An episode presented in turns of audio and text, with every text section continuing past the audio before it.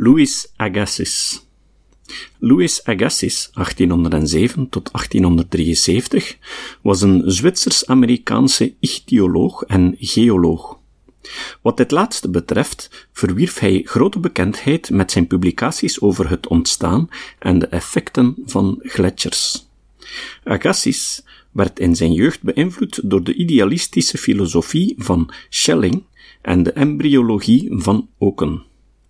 In 1831 verbleef hij in Parijs, waar hij de Duitse naturalist Alexander von Humboldt en de belangrijkste ichthyoloog van die tijd, de Fransman Georges Cuvier, leerde kennen.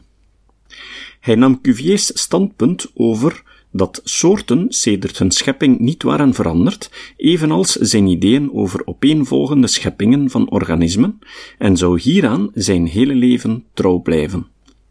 In 1832 werd hij hoogleraar natuurlijke geschiedenis in Neuchâtel.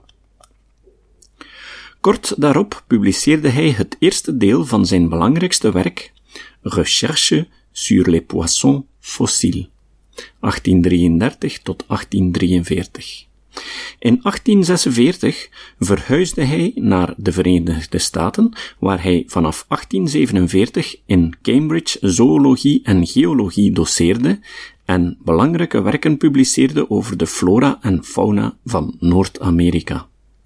Na 1859 verzette hij zich heftig tegen Darwins evolutietheorie.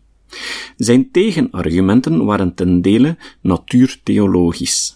Hij verklaarde adaptaties vanuit een goddelijk ontwerp, maar wees ook op het bestaan van niet-functionele organen die volgens hem aantoonden dat de schepper ook rekening houdt met esthetische finaliteit.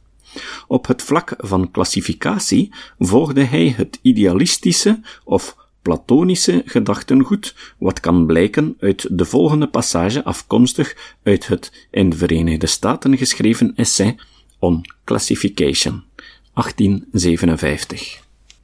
Alle georganiseerde wezens vertonen op zich alle structurele en bestaanscategorieën waarop een natuurlijk systeem gefundeerd kan worden, op zo'n manier dat, bij het opsporen ervan, de menselijke geest slechts de goddelijke gedachten die in de natuur in levende realiteit uitgedrukt worden, vertaalt.